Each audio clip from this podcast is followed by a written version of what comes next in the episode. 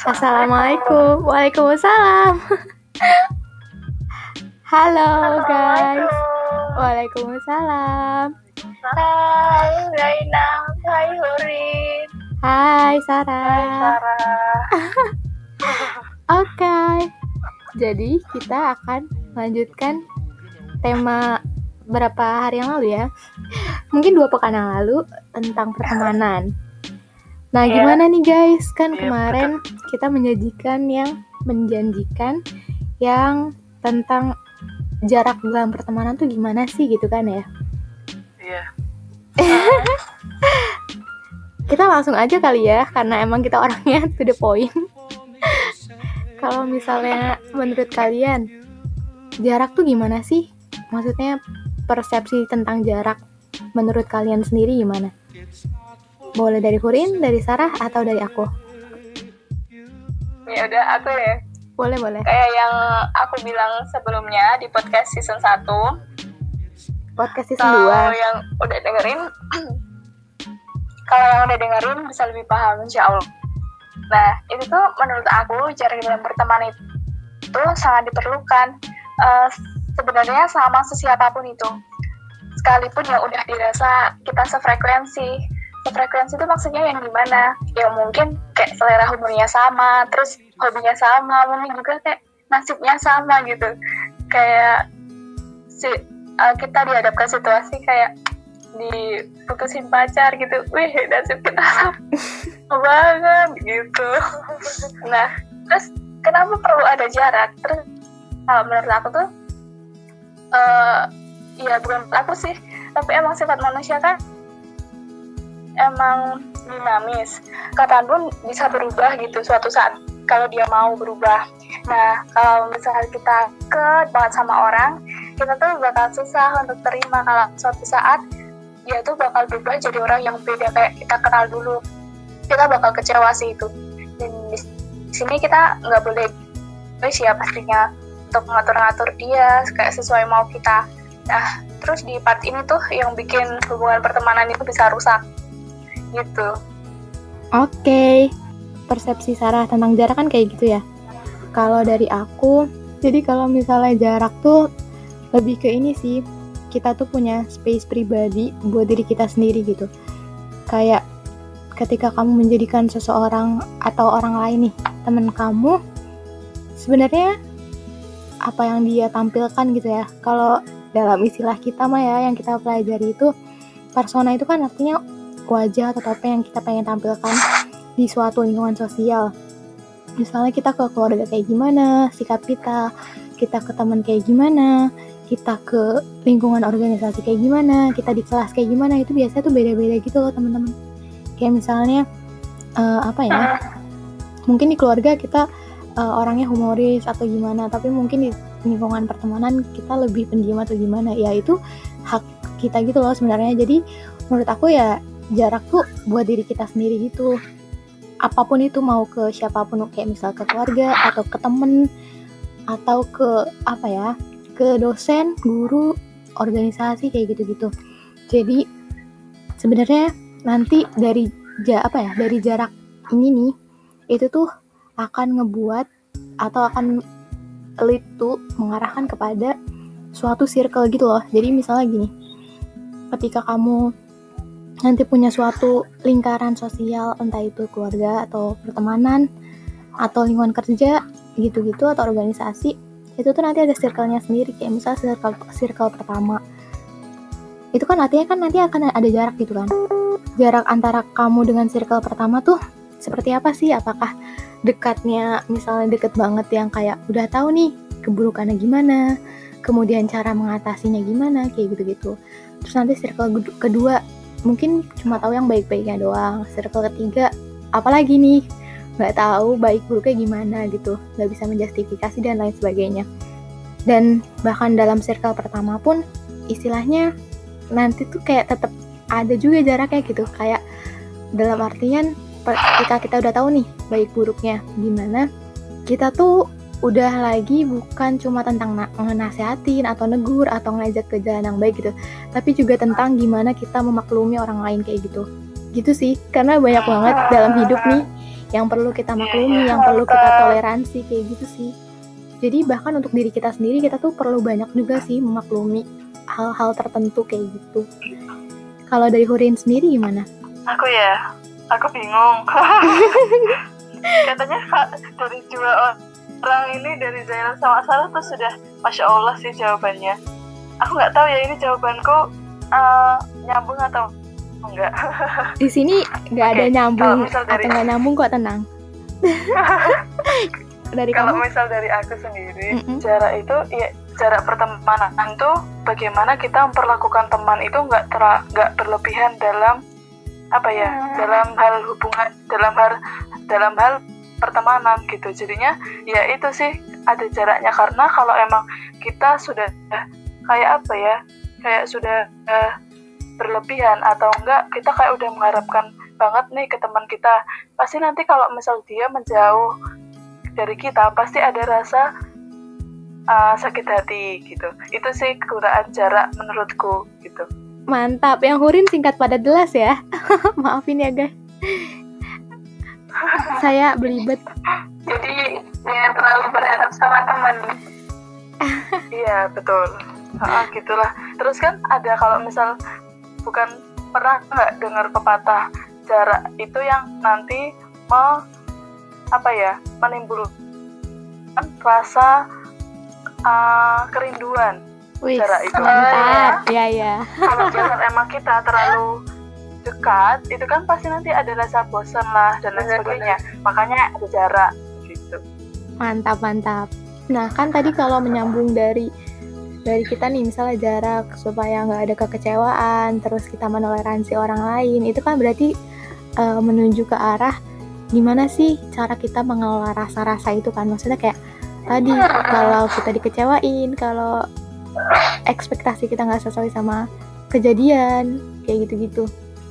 Iya iya Kalau kalian gimana? Mengelola dinamika rasa yang terjadi entah itu dalam kehidupan pertemanan atau bahkan dalam kehidupan keluarga. Itu kan maksudnya konteksnya nggak cuma di pertemanan circle biasa gitu kan tapi maksudnya dia juga ada di lingkungan kita. Kita belajar maksudnya kuliah atau misalnya kita berorganisasi atau bahkan tetangga juga kayak gitu. Kalau kalian gimana?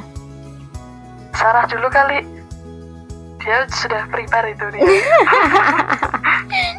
Jadi ya karena aku akan menyajikan yang terbaik untuk kalian semua. mantap Masya Allah masya Allah Jadi kalau waktu ngelola rasa sama teman itu kan ada ada teman yang suka bercanda gitu kan. Nah aku tuh selalu pegang prinsip jangan baperan gitu.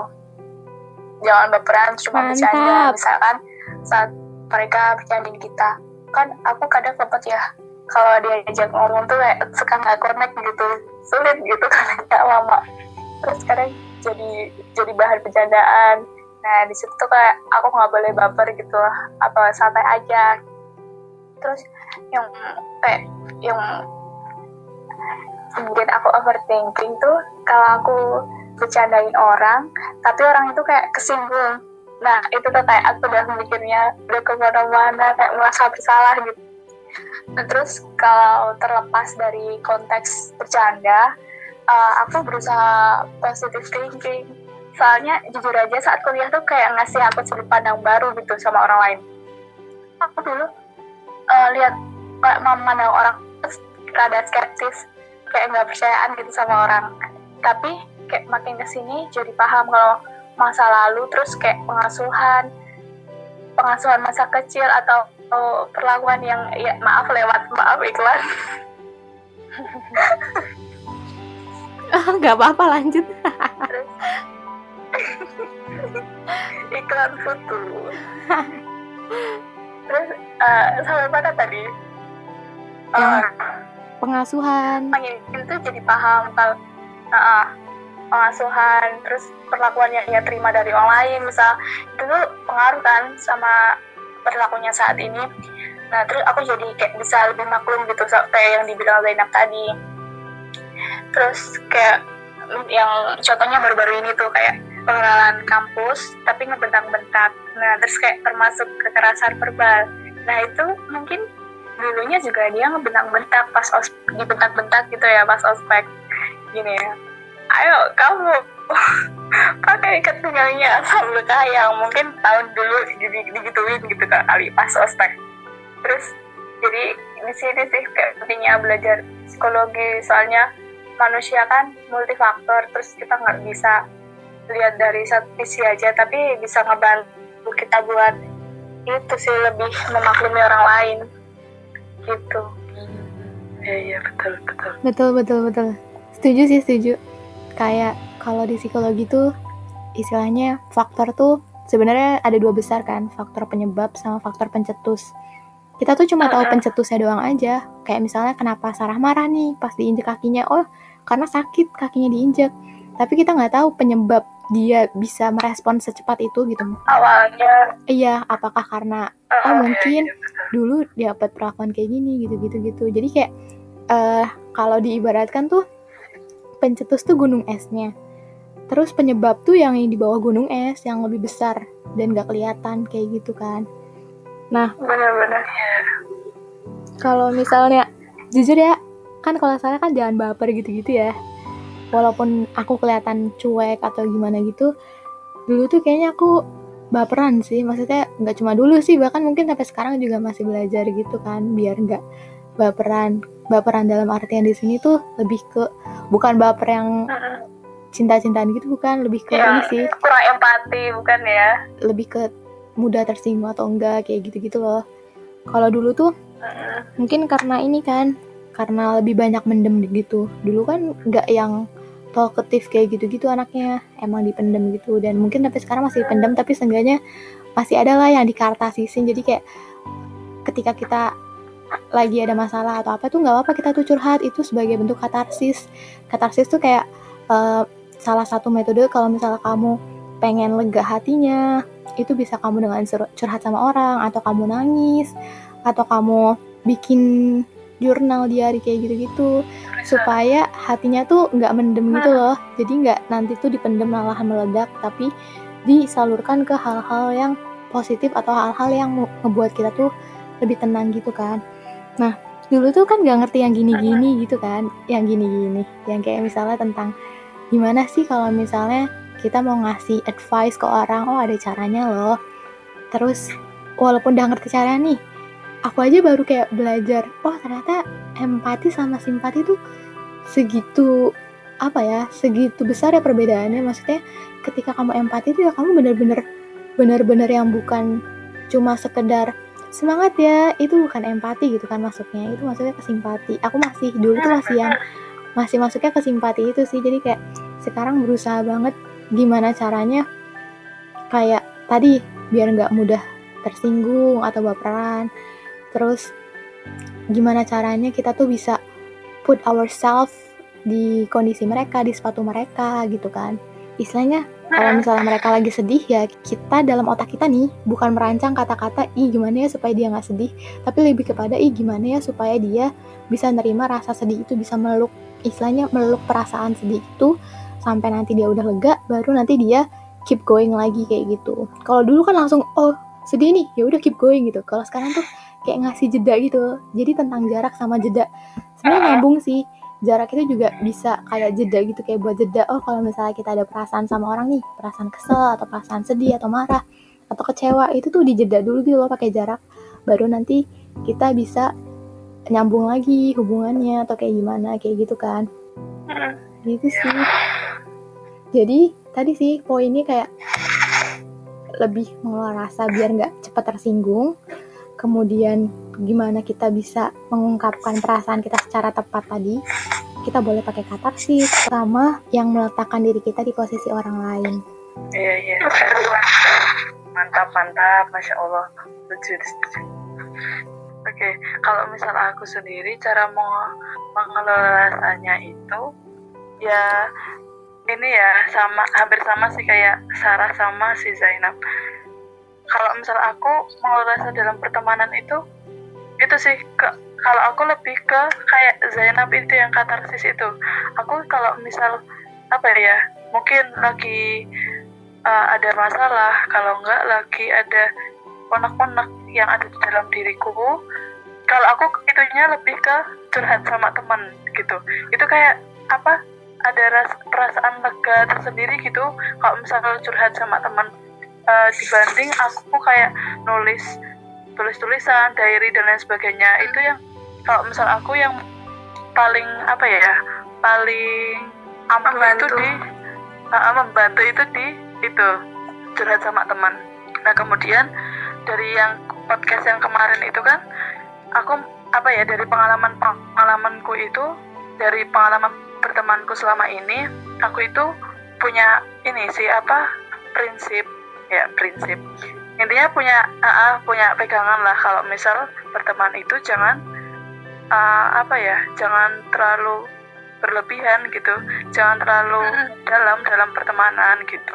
Karena itu sih uh, faktor apa ya pasti kalau misal sudah kayak gitu pasti nanti tuh ada sedikit masalah atau ya ada percikan api gitu pasti kayak sudah tersulut gitu loh. Kayak udah nanti jadi baper lah apa dan lain sebagainya gitu oke. Okay. nah, itu sih. Mantap. Mantap mantap. Memang cara orang tuh beda-beda ya. Maksudnya kalau Hurin kan tadi dengan cerita ke orang lain gitu-gitu kan ya. Kalau kalau aku fleksibel sih bisa cerita atau bisa juga nulis diary gitu. Tapi kalau cerita tuh bukan yang yeah, yeah. bukan yang kan ada kan orang yang misalnya lihat ada kejadian tuh cerita cerita gitu kan ya Rin. Ada juga orang yang misalnya yeah. misalnya masalah udah selesai tapi dia baru cerita sama orang lain yeah. tuh setelah masalahnya selesai kan ada yang kayak gitu. Contohnya aku. Uh, kalau aku aku nggak. Aku gitu sih. Aku kalau misalnya ada masalah dan aku tuh orangnya aku masih kayak bingung gitu loh.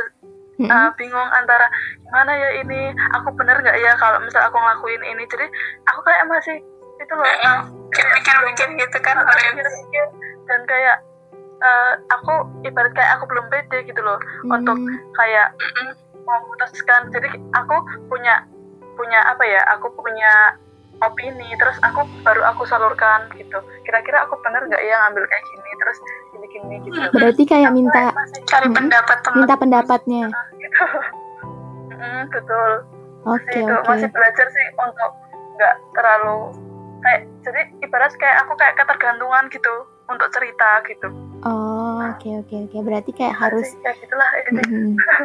berarti kamu juga lagi kayak berlatih supaya nggak terlalu apa-apa cerita apa-apa cerita gitu ya Iya betul betul.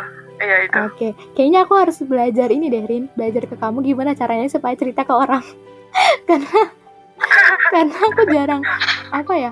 Aku tuh kalau misalnya masalah tuh ya udah masalahnya simpen sendiri nih. Nanti kalau udah udah selesai baru cerita atau misalnya kalau nggak selesai nih tapi masalahnya masih muncak gitu baru cerita.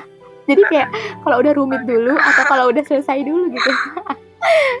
gitu ya aku kalau gitu aku kalau misal ada masalah terus aku pendem sendiri tuh Zain rasanya kayak nyesek sendiri gitu kayak nggak hmm. nggak bisa untuk beraktivitas untuk beraktivitas tuh kayak nggak ada semangat sama sekali kalau belum aku ceritakan ke orang.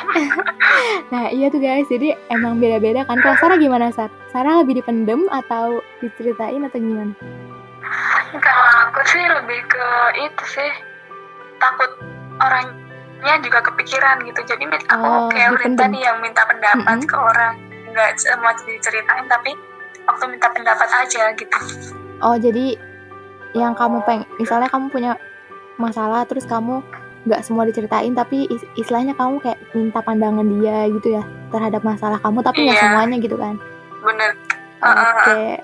Karena nih masih masih mikirin orang lain ya masih mikirin eh nanti dia jadi kepikiran masalah aku sangat sangat empati sekali. Jadi ngomong-ngomong tentang pendapat nih, iya Sirin, aku juga kayak uh, apa bela belajar banget itu selama ini kayak gimana caranya supaya dengerin pendapat orang lain kayak gitu kan. Karena ada beberapa orang yang bilang kayak aku tuh anaknya kompetitif banget kayak gitu-gitu. Tapi menurut aku enggak gitu loh. Aku hidupnya lempeng banget gitu kayak nyantai banget kalau aku lihat gitu nggak ambis gitu-gitu kan tapi ada orang yang bilang aku kompetitif gitu mungkin lebih ke cara ngomong kali ya atau misalnya cara aku kerja sama atau gimana gitu karena kan rata-rata orang yang biasanya to the point tuh kelihatannya kayak sepaneng gitu-gitu kan. Padahal bukannya sepaneng tapi emang nggak bisa basa-basi. Gimana dong? Jadi kayak kalau misalnya ada suatu suatu kerjaan nih atau misalnya suatu tugas kelompok gitu-gitu yang nggak bisa kayak "Eh, lagi apa nih gini gini? Ya kalau ada tugas ya udah ini tugasnya ini bagi bagi tugasnya ini gitu-gitu kan. Jadi kayak ketika ada teman Bahasa basi busuk tuh. harus belajar itu. Harus belajar bahasa basi manis sar. Bukan busuk manis. Oke. harus banyak belajar gitu kan. Termasuk itu sih kayak nerima pendapat orang lain. Oh ternyata aku gitu ya. Mungkin aku harus cobain saran dia yang kayak gini kayak gitu gitu atau misalnya kayak kita nih kalau misalnya lagi ngobrolin sesuatu yang kayak gini nih Rin. Misalnya tadi oh kalau Sarah minta pendapat tapi nggak semua masalah diceritain. Kalau Hurin nih diceritain masalahnya. Gini kalau aku dipendam kayak gitu gitu kalau dulu tuh kayak harus gini nih. Enggak. Kalau misalnya ada masalah tuh harus ceritain gini-gini. Kayak apa ya istilahnya kayak ngotot banget gitu sama pendapat. Kalau dulu kayak gitu. Kalau sekarang tuh kayak berusaha buat oh iya emang beda pendapatnya ya. Karena cara berpikirnya juga beda gitu.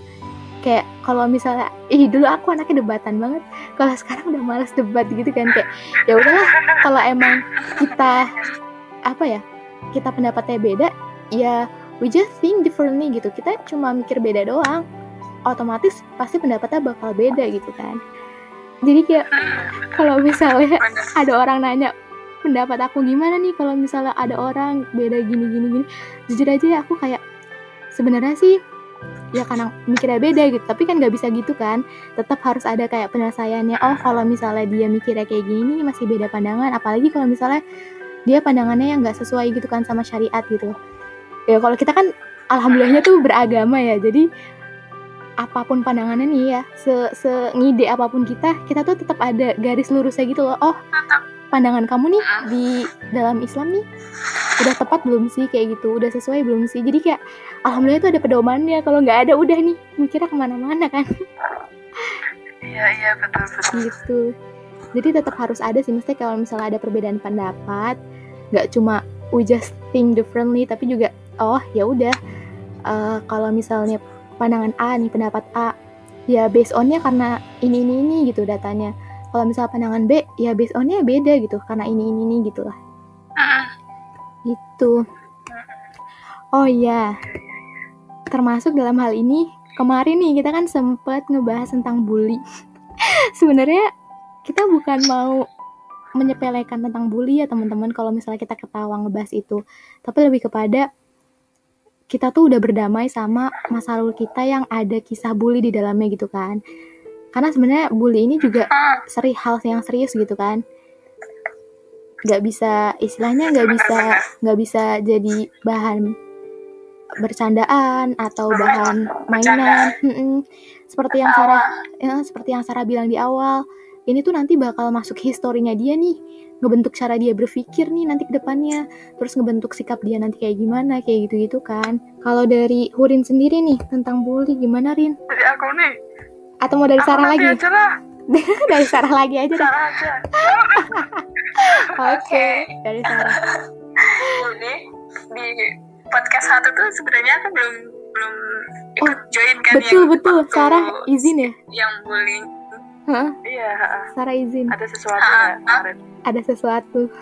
Ya, terus aku sendiri tuh pernah ngalamin bullying. Tapi banyakan tuh dari teman-teman cowok, bukan mak bukan cewek. Terus orang dibully kan biasanya karena emang dia tuh berbeda kan sama biasanya gitu. Dulu awalnya aku tuh pindahan. Waktu SD tuh kayak sering diajak, eh diajak bukan diajak. Oke, diejek ya, diejek. Heeh. kayak sepedaku sepedaku tuh kayak anak kecil sepedaku kayak anak kecil terus padahal eh, apa yang di sekolah aku sebelumnya tuh ya sepeda sepedanya teman-teman tuh juga kayak punya aku terus itu kayak beda kan Hmm, terus kayak barang-barangku juga diumpetin mirip ceritanya sama si Zainab yang di season 1 Nah, terus SMP juga gitu, tapi lebih parah, parah banget. Terus ternyata yang kayak umur-umur SD, SMP gitu tuh yang menurutku lebih itu ya, lebih beresik, beresiko buat adanya bullying. Nah terus tapi ya udahlah ya dilupain aja gitu. Terus kayak bilang sama diri sendiri gitu. Ya udahlah yang yang udah lewat ya udah. Nggak perlu lah dipikirin. Yang kamu hadapi orang-orang baru tuh pasti lebih baik lebih baik dari yang dulu gitu. Beda kok orangnya. Nah dari situlah dapat hikmah jadi lebih paham. Ternyata tuh hmm, kalau ada yang dibully kita harusnya tuh jangan diam aja gitu kita harusnya membela kayak setidaknya menghibur jangan jangan dibiarin sendiri. Karena ya itu bisa mempengaruhi psikisnya dia di masa datang. Gitu sih. Iya iya betul betul. Ini jadi tahu sudut pandang Sarah ya. Ternyata Sarah juga pernah mengalami bully gitu. Karena kemarin dia tuh belum sempat join guys. Kalau misalnya ngedenger hmm, karena karena karena ada sesuatu yang harus aku memutuskan teleponnya. Ya jadi kemarin sempat cuma suara aku sama Hurin doang berdua. Iya. Oke. Okay. jadi bener sih bener kata Sarah. Kalau misalnya ada yang ngebully tuh harus pick up gitu-gitu kan. Istilahnya kayak ngebela atau gimana. Tapi sebenarnya kalau aku lihat lagi ya ada dua sih gini. Ada dua tipe orang yang dibully gitu yang pertama orang yang merasa dibully. Yang kedua dia dibully tapi nggak merasa terbully. Gimana ya? Paham nggak? Jadi jadi ada dua ada dua orang. Jadi ada eh, bukan dua orang ada dua tipe orang. Jadi ketika dia dibully dia merasa nih terbully dan dia merasa tertekan dan sebagainya. Tapi ada juga yang kedua dia nggak merasa dibully gitu loh. Tapi istilahnya apa yang dilakukan sama teman-temannya tuh itu bully gitu dia bukan enjoy kayak lebih kepada gini nih. Lebih kepada dia tuh misalnya gini kalau yang kedua ini kasusnya kalau aku lihat misalnya dia tuh pengen diterima atau mendapat validasi dari teman-temannya bahwa dia adalah teman mereka atau misalnya bahwa dia adalah bagian dari kelas mereka. Jadi dia tuh kayak rela ngelakuin apa aja yang mereka suruh buat diakuin. Tapi dia nggak ngerasa terbully padahal itu kan gitu dia nggak ngerasa terbully padahal itu sebenarnya bagian dari bully juga kan kayak gitu. Soalnya dulu aku inget banget temen aku di SD tuh ada yang kayak gitu. Jadi dia tuh nggak ngerasa dia nggak ngerasa terbully dia malah ngerasa kayak iya aku aku adalah bagian teman mereka yang banyak paling banyak diminta bantuan kayak gitu loh. Yang sedih tuh kayak gitu oh, sih. ya. yang sedih Betul, tuh dia ngerasa. Mm -mm, jadi yang sedih tuh yang tipe dua ini karena kalau misalnya tipe dua mungkin tipe pertama bisa memunculkan nanti oh nih anak bisa jadi apa salah satu efek dari orang yang dia terbully dan merasa dibully dia bakal bisa jadi calon pembuli selanjutnya atau dia jadi agresif kayak gitu. Tapi kalau yang kedua ini yang ketika dia nggak merasa terbully dia tuh bisa jadi bukan agresif tapi lebih kepada dia menarik diri dari orang-orang dia ngerasa insecure dia ngerasa aku nih aku nih selalu paling rendah loh di tatanan manusia kayak gitu loh jadi ngerasa rendah diri gitu kalau yang kedua ini tipe kedua kayak gitu dan mungkin nanti dia bakal bakal istilahnya bakal ngelakuin apa pun supaya dia diterima sama circle pertemanan dia atau circle keluarga dia, circle tempat kerja dia kayak gitu. Itu sih. Jadi kayak kita tuh harus sadar gitu sama posisi diri kita sendiri. Kita nih lagi di posisi dibully atau enggak ya? Kita lagi di posisi membuli orang lain atau enggak ya kayak gitu sih. Karena bahkan sederhananya ya bully itu kayak sesepele kita ngetawain teman kita di depan kelas misalnya salah ngomong lah atau apa. Sebenarnya itu udah menurut aku ya menurut aku udah masuk sih.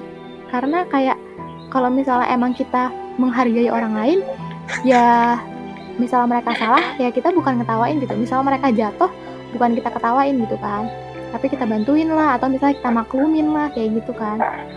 Gitu sih. Jadi iya.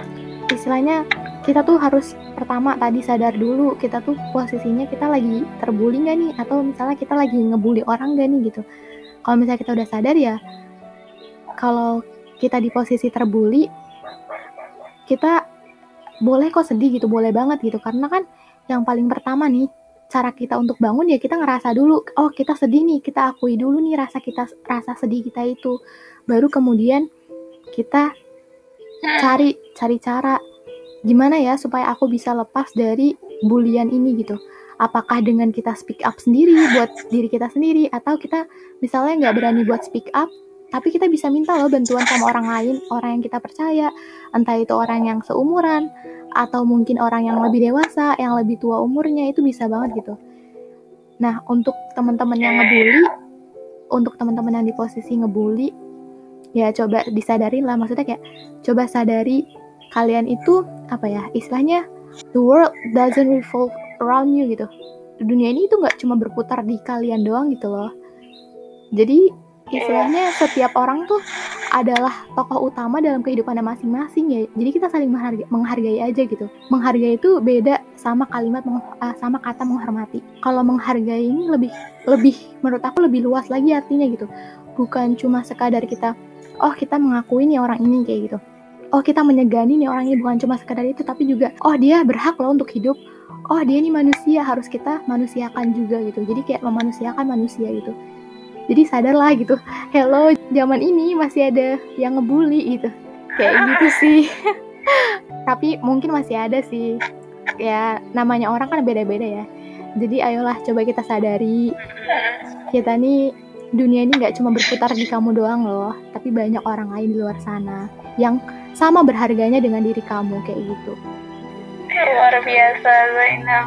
Kalau dari Hurin gimana? Iya, Hurin sekarang itu ya uh, bullyingnya tuh sekarang uh, tipenya cyberbullying. Ya betul iya, betul betul, betul banget betul banget. Kebanyakan betul banget tipenya di cyberbullying. Hah, betul. Iya tapi kadang nggak ngerasa kalau dia lagi ngebully. Iya kayak gitu bener. Jadi orang yang ngebully juga tuh ada juga yang nggak nyadar dia lagi jadi pembuli. Bahaya ya. Betul betul ya sih kalau sekarang tuh cyberbullying tuh kalau kalau misalnya offline kan oh mungkin bisa pakai fisik gitu kan ya. Tapi kalau sekarang tuh iya. pakai jempol aja udah jadi cyberbullying gitu bisa. Betul betul. Apalagi kalau misalnya lihat di Twitter atau di Instagram komen-komen ya Allah. Iya, betul betul. Itu mah udah maksudnya kalau kamu beda pendapat sama orang nih balik lagi nih ke beda pendapat. Kalau kamu beda pendapat sama orang ya kalian cuma punya otak yang beda kalian mikir beda kalian punya pengalaman beda ya outputnya bakal beda gitu. Nggak nggak kayak tinja atau nggak kayak faces yang kalian tuh makan beda apa pun ya hasilnya sama itu beda gitu. Kalau otak tuh nggak kayak gitu. Aduh jadi agak analoginya jadi agak maaf ya kalau kalau otak tuh lebih kompleks gitu sistemnya. Iya betul betul. Maksudnya kalau misalnya emang beda pendapat tuh yang dibahas tuh ya konteksnya gitu kan ya. Kalau ini mah sampai kayak malah jadi berujung body shaming atau misalnya malah berujung kayak oh kalau pantesan keluarganya gini gini gini. Maksudnya jadi kayak merembet ke mana-mana gitu loh. Bener sih bener Rin. Cyber luas bullying. banget ya jadinya mana iya betul. Kalau dulu mungkin jotos-jotosan ya udah nanti mediasi udah maaf-maafan gitu. Nanti nggak diulangi lagi. Kalau sekarang tuh cyberbullying jadi merembet ke semuanya gitu. Dan inget gak sih yang kasusnya siapa sih yang waktu itu? Aduh ya ampun. Aku masih inget banget. Cuma aku lupa namanya. Yang dia tuh diserang gitu. Ya. pokoknya yang perempuan itu diserang. Terus uh, ketika diserang sama sekelompok cewek gitu Terus ini anak cewek gitu, anak SMA cewek. Eh, lupa namanya sumpah. Oh, oh Audrey bukan sih? Itu viral ya, iya, viral. Itu oh, viral iya, banget iya. Audrey ya? Sampai oh, Iya, itu viral iya, banget betul. kan. Terus gini apa? Kan dia di dibully gitu kan, dihajar apa di apa, pokoknya di tindak kekerasan gitu, dapat tindak kekerasan. Terus orang-orang yang lakuin kekerasan tuh juga dapat istilahnya sih emang hukuman sosial tapi menurut aku hukuman sosialnya juga malah jatuhnya jadi kayak cyberbullying gitu malah dikata-katain juga lah, dicari keluarganya, dihujat keluarganya. Menurut aku itu kayak lingkaran setan yang gak berkesudahan gitu loh. Ya kalau emang ada yang misalnya nih bullying tadi, ya kita nih sebagai masyarakat, sebagai pengamat, ya kita jangan ikut-ikutan malah ngebully juga gitu, ngebully tanpa sadar. Ya gak sih kemarin tuh? Iya. Kasusnya tuh malah jadi kayak gitu. Tapi kasusnya kasusnya Audrey itu ada yang bilang juga kalau yang salah tuh ya Audrey Iya, dia ada yang cuma bilang juga. ada berita gitu Betul, ada yang ada yang bilang juga kalau misalnya itu sebenarnya Audrey-nya gitu-gitu kan. Jadi makanya kayak misalnya kita nih sebagai masyarakat yang cuma tahu berita simpang siur, ya kita Iya, tuh bener. bisa bisa bijak lah menyikapinya, nggak yang langsung reaktif. Oh ada ini nih langsung kayak gini-gini langsung ikutan ngehujat lah apa itu menurut aku bu- bukan bentuk solutif gitu loh, bukan bentuk penyelesaian. Malah Iya. iya betul malah kita kita malah makin merembet merembet Betul. ke mana-mana Betul, kita malah jadi pembuli season 2-nya dari yang pembuli season 1, season 2. Udah kayak podcast. kayak gitu. Betul betul banget itu. Kalau ngebahas bully nih sebenarnya panjang ya. Intinya dari kita mah gitu ya, guys. Di sini adalah kita berusaha sama-sama aware, sama-sama menyadari diri kita sendiri maupun lingkungan kita gitu. Nah, kalau misalnya tadi nih yang sempat dibahas kita harus ngebela teman kita yang dibully itu juga ada istilahnya ada tekniknya gitu loh nggak langsung kita nggak langsung kita ngebela orang itu gitu. Tapi kita juga harus tahu duduk permasalahannya kayak gimana. Kemudian siapa aja sih yang terlibat gitu.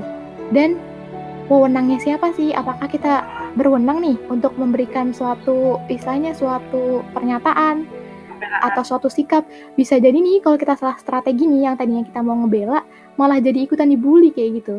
Iya. jadi harus tahu istilahnya harus tahu strateginya juga gitu. Kalau misalnya mau ngebela orang lain ya kayak apa sih attorney itu kayak pengacara aja gitu kan kayak hakim pengacara jaksa dan lain-lain. Mereka kan juga ada porsi-porsinya kan kayak misalnya oh jatahnya ini ngapain jatahnya ini ngapain gitu kan. Nggak semua orang tuh ngebela eh nggak semua orang tuh jadi pembela gitu kan. Kayak gitu. Iya betul. Oke, aku pengen tanya nih ke kalian tentang ini kan udah nih, udah yang kita janjikan sudah terlunasi. Aku pengen nanya tentang eh, kalian pasti sering dengar sih istilah ini. Keluarga, keluarga rasa teman atau teman rasa keluarga. Ini pendapat kalian boleh panjang, boleh pendek, terserah. Intinya gimana pandangan kalian terhadap istilah kedua istilah itu? Keluarga rasa teman teman rasa keluarga. Sering dengar kan? Aduh. Dari siapa nih? Karena ini tidak ada persiapan ya ini ini benar-benar pertanyaan pertanyaan langsung di tempat. Kalian boleh menjawab boleh dari Hurin? Atau mau dari Sarah? Atau mau dari aku? Dari Hurin boleh. Aku aku boleh.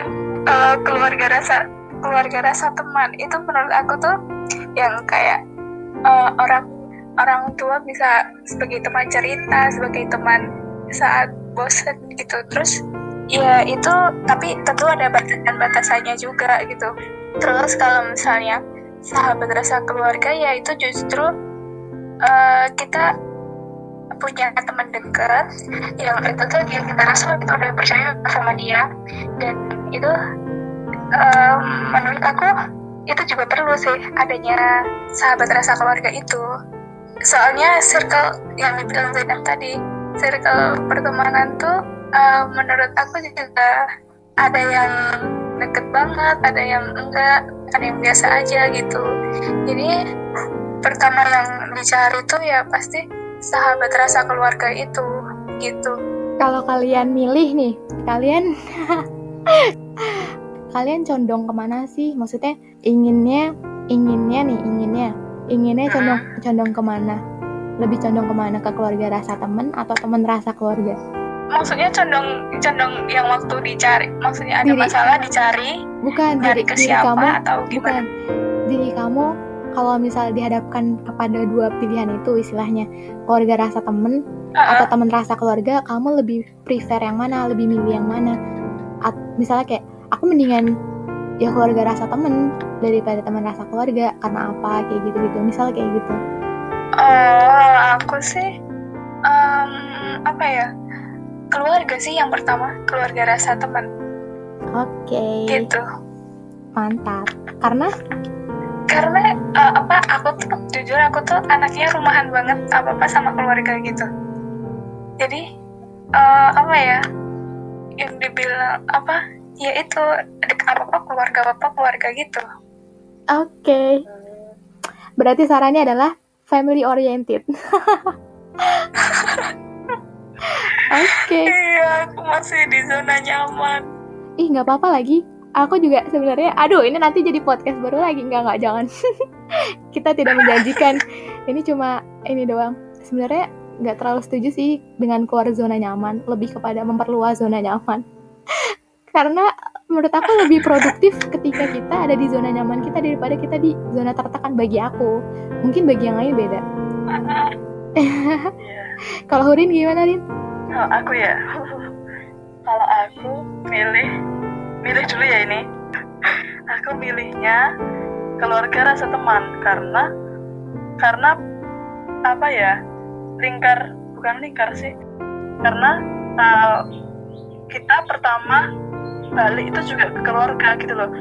Misal kita nih pulang pulang nggak mungkin dong kalau misal kita nggak apa ya kalau kita kalau misal kita nggak menganggap mereka itu sebagai teman kita di rumah nggak nyaman apa ya ngerasa nggak nggak nyaman. Cuma ke rumah makan sama tidur doang tanpa ada interaksi sama mereka kalau misal kita nggak menjadikan keluarga sebagai teman gitu mantap karena mantap. apa pun itu karena yang tahu banget itu kan keluarga hmm. kalau misal emang teman teman itu ya kita anggap biasa aja juga bisa keluar uh, kalau misal kita udah biasa nih kayak loyal ke semua teman itu kalau menurutku kalau kita udah loyal atau kita mudah beradaptasi sama mereka yaitu udah kita anggap keluarga sendiri bagi kita gitu walaupun mereka juga nggak menganggap kita sebagai keluarga tapi kita udah merasa apa ya udah menganggap teman kita sebagai keluarga kalau misal kita udah beradaptasi dan loyal kepada siapa pun gitu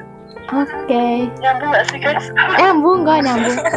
nyambung. Oke okay, oke, okay. paham paham Rin aku. Dan setuju banget sih, setuju banget. Kayak kamu tuh ke rumah ya bukan ke hotel, ke rumah tuh ada istilahnya ada feels yang nggak kamu dapat di tempat lain gitu kan. Dan bener, setuju banget sama Hurin juga. Oke. Okay. Kalau dari aku, ternyata kita semua sepemikiran ya ternyata kita semua sepemikiran guys. Aku juga keluarga rasa temen. Sebenarnya awal nih ya mungkin bakal banyak yang nggak sepakat sama kita. Karena kita kan udah oh ternyata kita sama nih pemikirannya keluarga rasa temen. Tapi kan banyak di luar sana teman-teman yang mungkin beda pendapat. Karena mereka juga beda situasi kondisi keluarganya. Kemudian lingkungan iya. teman-temannya kayak gitu kan. Tapi di sini aku mau meluruskan gitu. Kayak apa pun pilihan kalian ya udah itu emang jadi pilihan kalian gitu kalau bagi aku nilai keluarga tuh lebih daripada temen tuh karena ada hal-hal yang nggak bisa kita dapetin lewat temen gitu. Maksudnya sedekat apa pun kita sama temen kayak keluarga adalah pokoknya hal-hal yang itu istilahnya bakal jadi bolong atau bakal jadi suatu retakan yang itu nggak bakal bisa ditambal. Tapi kalau misalnya di keluarga tuh seretak apa pun ya keluarganya atau misalnya kondisi ayah ibu kakak adiknya se, se deket apa pun itu ada hal-hal bonding yang emang nggak bisa diputus kayak gitu. Nggak tahu sih lebay banget tapi menurut aku kayak gitu gitu. Iya, menurut aku kayak gitu. bahkan nilai suatu doa aja ya nilai suatu doa nilai nafkah apa ya nilai ayah kita mencari nafkah itu kan bener-bener diganjar itu sama Allah yang seperti menuju jalan ke surga atau kalau misalnya doa orang tua nggak ada pembatasnya kayak gitu-gitu. Jadi kayak bener-bener digambarinnya juga istilahnya istimewa banget itu benar-benar in a special way Allah tuh ngedeskripsiin tentang keluarga ini gitu kan. Kayak gitu. Jadi kayak kayak bagi aku walaupun aku nggak terlalu deket misalnya sama adik aku atau misalnya nggak terlalu deket sama ibu aku tapi aku ngerasa keluarga tuh ya harus rasa temen gitu. Dan itu masih masih berjuang gitu kan. Karena kan untuk menjadikan sebuah ikatan itu istilahnya ikatan yang nyaman.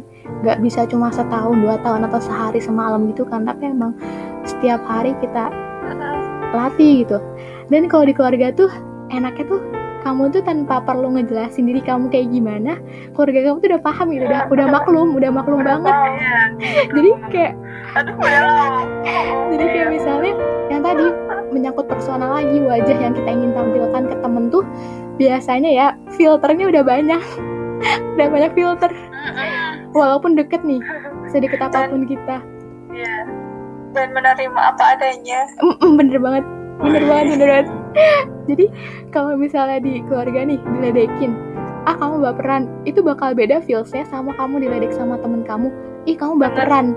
Itu beda banget. Jadi kayak ya udah kalau di keluarga ya emang aku baperan. Toh kalian juga nerima kayak gitu tapi mungkin mungkin ini bakal beda sama kalau nanti kita udah punya keluarga sendiri kali ya. Ini kan masih keluarga inti kita kan. Kalau misalnya udah punya keluarga sendiri itu maksudnya kita udah nikah. Iya. aduh jadi ke mana-mana. Iya, mungkin itu bakal beda lagi. Karena kalau misalnya udah nikah tuh babnya tuh udah udah bab beda lagi gitu. Istilahnya istilah Iya, iya. istilah menerima apa adanya Kita tuh mau buka podcast tentang apa nikah pernikahan. Astagfirullah Aduh kayak udah expert aja eh bisa jadi setelah kita ada fikih ibadah dan munakahat kan kita udah dapet Iya betul ya. jadi nyumbangin ilmu ke podcast aduh pokoknya pokoknya gitu sih. Karena nanti kalau misal udah nikah itu prinsip menerima apa adanya tuh aku sempat dengar gitu ceramah. Kalau misalnya udah nikah prinsip menerima apa adanya itu harus diiringi sama kita mau belajar jadi lebih baik lagi kayak gitulah. Ya gitulah nantilah kita bahas. Masih jauh tapi. Apa mau dibahas? apa apa mau dibahas ini? usah. Intinya kalau misalnya di keluarga tuh nggak ada orang sesabar ayah. Sesabar ayah gitu nggak ada orang yang sesabar ayah. Nggak ada orang yang se ngayomin ibu sepeduli ibu. Nggak ada orang yang seperhatiannya adek seperhatiannya kakak gitu. Senyebelin apa pun mereka tapi tetap aja itu tuh kayak kamu nggak bisa nggak bisa benci gitu sama mereka. Aduh aduh kayak jadi gini? Jadi agak-agak sedih. Udah, udah, oke Hatiku tersayat-sayat. tapi bukan bukan berarti bukan berarti temen tuh Anak pertama oh iya anak pertama siapa nih aku anak kedua aku si Hurin anak pertama. Hurin. Udah. tapi bukan berarti bukan berarti temen tuh nggak penting teman-teman maksudnya di sini adalah kita karena kita prefernya keluarga rasa temen jadi kita menggambarkan keluarga tuh seperti itu gitu tetap sih temen itu juga Iya, betul. temen itu juga berharga gitu. Apalagi temen yang soli yang dia tuh baik lah intinya baik baik baik secara agamanya maupun secara sosialnya gitu kan. Iya betul. gitu. Oke. Jadi agak ke mana-mana iya Heeh, Karena kalau-. Kalau kita ngelihat realitas sekarang kan kayaknya orang tuh banyak yang milih temen rasa keluarga gitu kan. Heeh. padahal ada hal-hal yang nggak bisa digantikan sama nggak ada hal-hal ada peran-peran yang nggak bisa digantikan oleh teman itu gitu. Gitu. Iya. makanya kalau misalnya kita belajar psikologi juga kan yang paling dasar tuh keluarga kan bukan teman gitu. Teman Keluarga, iya. teman tuh baru lapisan keberapa setelah keluar setelah keluarga tadi? Bahkan masyarakat eh, bahkan yang kedua tuh sekolah ya teman sekolah eh, kedua keluarga keluarga sekolah, sekolah ya kan ya? baru masyarakat. Heeh, keluarga sekolah baru Iya, masyarakat. betul. jadi kayak emang pondasi tuh di keluarga gitu. Gitu sih. Betul betul. Oke. Jadi teman-teman yang beda pendapat kita nerima sih kalau misalnya kalian punya pandangan lain gitu kan. Karena mungkin kan ada banyak hal-hal yang misalnya kita nggak ngerasain gitu entah itu broken home atau misalnya eh, ayah yang jarang pulang atau ibu yang jarang pulang mungkin kita nggak bukan orang yang merasakan itu tapi mungkin teman-teman lain ada yang merasakan itu gitu kan. Dan menjadikan teman itu rasa keluarga kayak gitu. Untuk hal-hal yang kayak gini sih menurut aku selama kamu ngerasa selama mereka ngerasa selama kalian ngerasa teman-teman kalian emang teman-teman yang istilahnya layak untuk mendapatkan atau menggantikan peran keluarga kalian, ya go for it. Tapi kalau misal kalian ngerasa teman-teman kalian bukan seseorang yang bisa dijadikan keluarga ya ya udah nggak usah berpegang pada teman itu gitu. Cari teman lain yang emang mereka tuh nerima kalian apa adanya. Terus teman-teman yang ngedukung kalian sebagaimana harapan kalian didukung sama keluarga lewat teman itu kayak gitu sih. Karena kan banyak yang nggak seberuntung. Alhamdulillah ya kita masih keluarganya ya walaupun biasa aja tapi alhamdulillah gitu. Ya alhamdulillah alhamdulillah banget. Alhamdulillah. Oke. Dari teman-teman dari teman-teman dari Sarah sama Hurin ada tambahan? Atau kalian mau menyampaikan sesuatu tentang tadi teman rasa keluarga insya Allah tidak. Tidak sudah cukup diwakilkan oleh Zainab. Iya. Kalau misalnya mereka mencari teman ini kita bertiga juga bisa jadi teman teman mendengar. Ya boleh. Iya betul. Mungkin teman-teman bisa DM kita di Betul. bertaipi ya. Tak bertaepi boleh cerita-cerita. Bener banget. Atau ngasih sudut pandang baru untuk kita. Betul betul. Jadi teman-teman kalau misalnya bingung mau cerita ke siapa kita bisa banget kok ada tiga admin yang beda-beda sudut pandang. Sebenarnya cerita tuh kan nggak perlu tentang gimana kita ngasih solusi kan. Siapa tahu cuma butuh didengar kita bisa kok dari teman pendengar. Ya kayak gitu. Oke segitu kali ya dari kita untuk podcast kali ini. Alhamdulillah kita sudah membayar Iya, janji. ya sudah membayar janji dan membahas sudut pandang baru Gak kerasa udah satu jam iya cepet banget ya Gak kerasa sudah lama ternyata iya udah sejam loh guys iya satu jam 14 detik Oke. Segitu dari kita, teman-teman. Kalau misalnya teman-teman pengen ngasih sudut pandangnya juga atau pengen curhat-curhat, bisa banget tadi DM ke IG kita. Tak bertaepi. Emang agak aneh tapi ya Iya. maklumin saja. Oke.